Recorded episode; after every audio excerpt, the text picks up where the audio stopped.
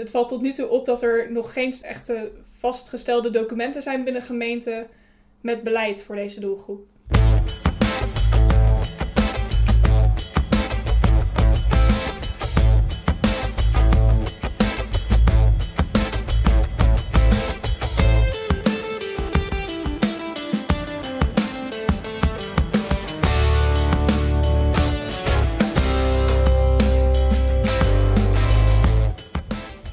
Hey, hallo allemaal en welkom terug bij Spotpraat, de podcast van Bureau Spotlight.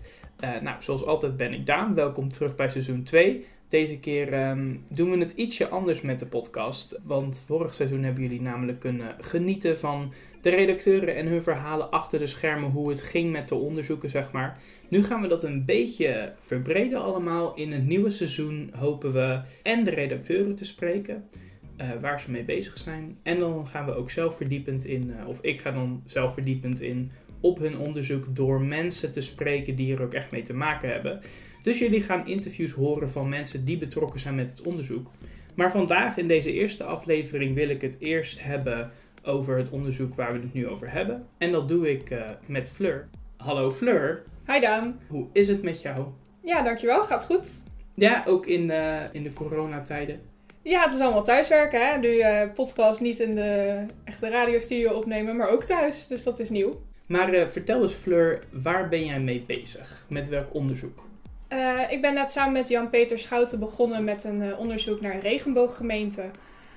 dus dat klinkt heel kleurrijk en dat is het eigenlijk ook wel. Dat gaat over LHBTI'ers, dus lesbische, homoseksuele, biseksuele, transgender en intersexe uh, burgers. En het zijn heel veel termen die je om de oren vliegen. Maar eigenlijk iedereen die niet heteroseksueel is of ja, cisgender, zoals je dat dan noemt. Dus die uh, niet een geslachtsverandering ondergaan heeft of zich uh, anders voelt dan ja, het aangewezen geslacht bij de geboorte, zeg maar. Um, dus eigenlijk iedereen die een beetje van de standaard norm afwijkt. Daar gaan wij het over hebben in dit onderzoek. En wat onderzoek je dan precies? Want dat is zeg maar de mensen zelf. Maar waar heeft het mee te maken, dit onderzoek?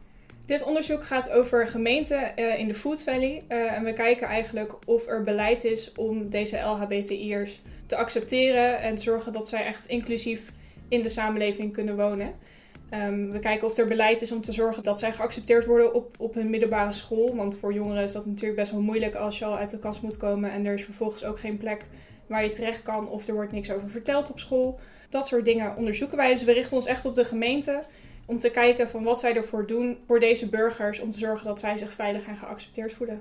En hoe tackle je dan zo'n onderzoek? Hoe, hoe, hoe begin je te onderzoeken of een gemeente beleid heeft of LHBTI'ers zich veilig voelen? Hoe, hoe begin je zo'n onderzoek?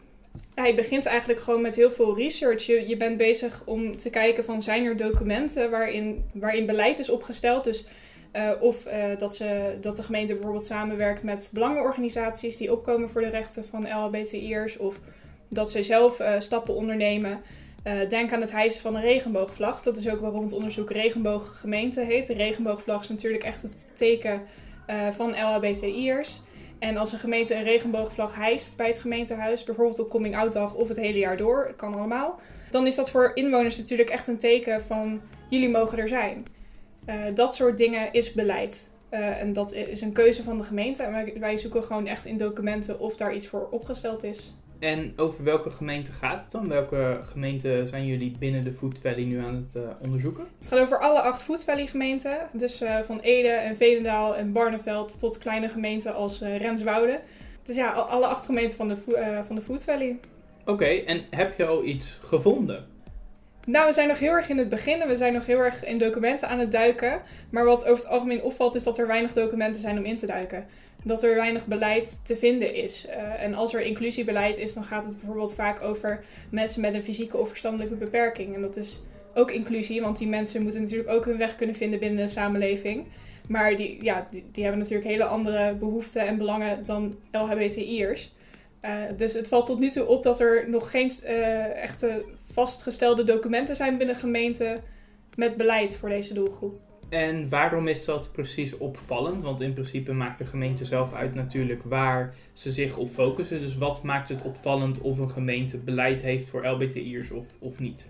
Als je een regenbooggemeente wordt, dan zeg je eigenlijk van oké, wij gaan echt actief beleid maken voor deze doelgroep.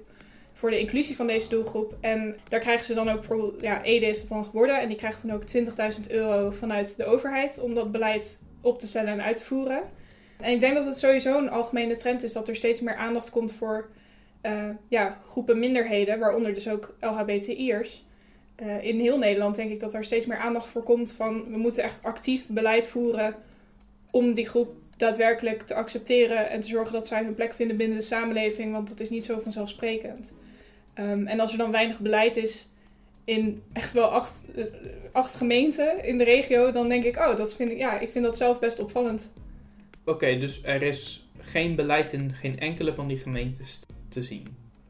Uh, nou ja, het, het, is niet zo makkelijk te vinden. Dat wil niet zeggen natuurlijk dat het er niet is. Dat wil niet zeggen dat het niet openbaar beschikbaar is. Gemeente Ede is nu bijvoorbeeld ook zelf bezig met het kijken van wat doen we eigenlijk al. Dus daar is zelfs niet eens heel duidelijk, hebben ze zelf niet heel, heel duidelijk in beeld wat ze eigenlijk al doen voor deze doelgroep. Dat gaan ze nu zelf eerst onderzoeken en dan kijken van wat kunnen we als regenbooggemeente daarop aanvullen. Dus het lijkt ook een beetje alsof het niet heel veel voorrang heeft op de agenda. En zou je zeggen dat dat raar is dat ze nu pas gaan inventariseren terwijl ze het al zijn? Ja, dat is natuurlijk een waardeoordeel. Maar ja, als je als gemeente zegt van wij willen uh, echt actief beleid gaan voeren. En je hebt het daarover gehad binnen de gemeenteraad van moeten wij wel of niet een regenbooggemeente worden. En er zijn al uh, vier, 54 andere regenbooggemeenten. Dan denk ik, dan zou je op zich toch wel een idee hebben dat wat er al gaande is binnen je gemeente. Maar dat is natuurlijk voor mij persoonlijk dat ik denk, ja, het is al best wel wat jaren gaande dat er regenbooggemeenten zijn. Dat is niet ineens uit de lucht komen vallen. Maar voor Ede was het wellicht uh, nog niet zo lang een, uh, echt een groot onderwerp. Nee, maar het is, het, ik stel de vraag omdat ik dan uh, een beetje wil prikkelen in de zin van de normale gang van zaken, zeg maar, van gemeente. Dat je pas gaat inventariseren nadat je zo'n declaratie maakt van wij staan achter een bepaalde groep ik denk niet dat er echt een standaard handleiding is voor welke stappen je in welke volgorde moet nemen als je een regenbooggeweten wordt. Uh, behalve dat je een verklaring moet ondertekenen dat je daadwerkelijk je in gaat zetten voor de inclusie van de LHBTI'ers.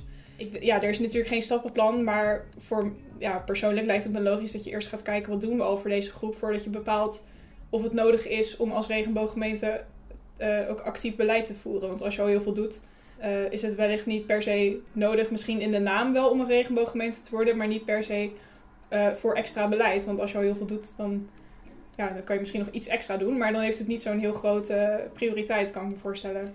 Om dat heel erg uit te breiden. Over die prioriteit gesproken dan, van het voelt een beetje dus alsof die er niet is. En uh, Ede bijvoorbeeld is dan, waar we het nu over hebben, is dus een gemeente met een grote SG, SGP-aanhang, een grote CU-aanhang wat uh, ook groot VVD aanhangt. Nou, VVD is liberaal, maar die andere twee zijn conservatiever. Heeft dat de conservativiteit van die partijen die in de gemeenteraad zitten daar iets mee te maken? Dat er worden de dingen tegengehouden? Gedeeltelijk. Er kwam op een gegeven moment een voorstel om de regenboogvlag te hijsen op Coming Out Dag. Dus de dag eigenlijk uh, speciaal voor homo's, lesbiennes, transgender personen om uit de kast te komen en zich uh, ja, te presenteren zoals ze zijn. En zich niet opgesloten te voelen binnen ik moet hetero zijn en ik mag niet anders zijn. Maar om juist trots te zijn daarop. Op die coming out dag zou hijsen heel veel gemeenten een regenboogvlag. En op een gegeven moment werd dat ook voorgesteld in gemeente Ede. Maar dat is toen een paar jaar afgewezen. En uiteindelijk is die regenboogvlag er wel gekomen. Maar het, kijk, ik kan niet namens raadsleden spreken waarom ze eerst, voor waren, of eerst tegen waren en daarna voor. Maar het lijkt een beetje alsof het moet wennen en alsof het idee moet landen. En dat er toch langzaam een soort basis moet worden gebouwd waarin het mogelijk is voor een gemeente als Ede inderdaad met een grote, uh, met SGP als grootste partij om ook daadwerkelijk zo'n vlag te hijsen. Nou, Fleur, je bent dus een tijdje aan het onderzoeken hoe het met die regenbooggemeente zit. Je bent nog in het voorstadium met desk research, zoals we dat noemen. Je vooral verdiepen, mensen bellen. Uh, zijn daarin opmerkelijke gebeurtenissen voorgevallen? Dat je dacht van, hé, hey, dat is raar of springt eruit? ja, nu we het beleid, of eigenlijk het gebrek aan beleid in de Food, Valley een beetje in kaart hebben, zijn we uh, interviewverzoeken aan het uitsturen naar gemeenten. En je merkt wel dat ze niet zo happig zijn en dat ze niet heel graag willen meewerken. Voornamelijk wat ik opvallend vond is bijvoorbeeld gemeente Veenendaal was een van de eerste gemeenten die ik benaderde. En dat zij meteen aangaven, nee we doen wel aan inclusie, maar we willen jullie niet spreken, want we vinden dat niet ja, belangrijk of ze zagen dat niet per se zitten. En als je dan nog weer uitlegt van ja, maar uh, ik zou jullie toch graag spreken over wat jullie dan doen Want ook als jullie geen beleid hebben, dan is dat alsnog interessant om over te praten, want dan is het blijkbaar niet nodig. En ik hoor dan graag van gemeente Veenendaal waarom zij dat niet nodig vinden. Want dat zou dan betekenen, denk ik, dat er al genoeg acceptatie is van LHBTI'ers. Dus dan probeer je een beetje te zeggen van ja, ook al hebben jullie dan misschien geen officieel document, dan nog krijg ik graag een inkijkje in jullie mening over in hoeverre er al inclusie is. En ik merkte gewoon dat ze totaal niet uh, mee wilden werken. Uh, en dat je wordt verwezen naar algemene inclusiedocumenten die, waarin het woord LHBT of homo of uh, transgender, of, dat komt er helemaal niet in voor, die hele doelgroep niet. Um, terwijl ik me kan voorstellen dat die doelgroep juist dat wel expliciet nodig heeft. Een expliciet beleid nodig heeft. En dat is niet in een standaard diversiteitsbeleid passen. Want er zijn zoveel minderheidsgroepen die onder het diversiteitslabel vallen. Dat je denkt, ja, die, die kan het, kunnen toch niet allemaal baat hebben bij dezelfde maatregelen. En we werden ook verwezen naar een ander document. En dat ging juist over mensen met een beperking. Dat denk ik, ja, ik, vind het heel goed dat ze daar ook bezig mee zijn. Maar dat heeft totaal niet met ons onderzoek te maken. Dus het is heel opvallend dat gemeenten aan de ene kant zeggen, ja, we zijn bezig met inclusie. Uh, of tenminste, gemeente Veendaal zegt dat. Van ja, we zijn inderdaad bezig met inclusie. We hebben misschien geen actief beleid voor LHBTI'ers, maar we nemen ze zeker mee. Maar vervolgens willen ze niet uitleggen hoe of, of willen ze niet toelichten wat ze dan doen en wat niet en waarom. Um, ja, ze willen eigenlijk gewoon niet meewerken. Zoals ik het hoor, zijn jullie dus ontzettend druk bezig met het onderzoek en interviews aan het inplannen. En uh, het opvallende is dus dat dat getast in het duister eigenlijk. Van dat gemeentes nog heel erg aan het zoeken zijn. En dat het toch vrij stroef verloopt, dat beleid maken. Of dat ja, ze gewoon niet het, het nodig vinden. Wat zijn jullie vervolgstappen nu met het onderzoek? Nou, we gaan natuurlijk wel gewoon met gemeenten in gesprek die daar wel voor openstaan. En we blijven natuurlijk aandringen bij gemeenten die dat niet zouden willen. Um, maar naast dat we de gemeente spreken, want we zijn nu begonnen met het kijken van welk beleid is er. Uh, maar, uh, en dan kom je bij de gemeente uit. Maar daarnaast willen we natuurlijk ook spreken met LHBTI'ers in de Food Valley, dus in elke gemeente. En met verschillende belangenorganisaties die daar zitten, zoals Shout in Wageningen en Veers in, uh, in Ede. Ja, om hun kant van het verhaal ook te krijgen in hoeverre het nodig is en in hoeverre er al acceptatie is. Ik ben daar heel benieuwd naar. Ja, wij ook. Daarom zijn we dit onderzoek ook begonnen.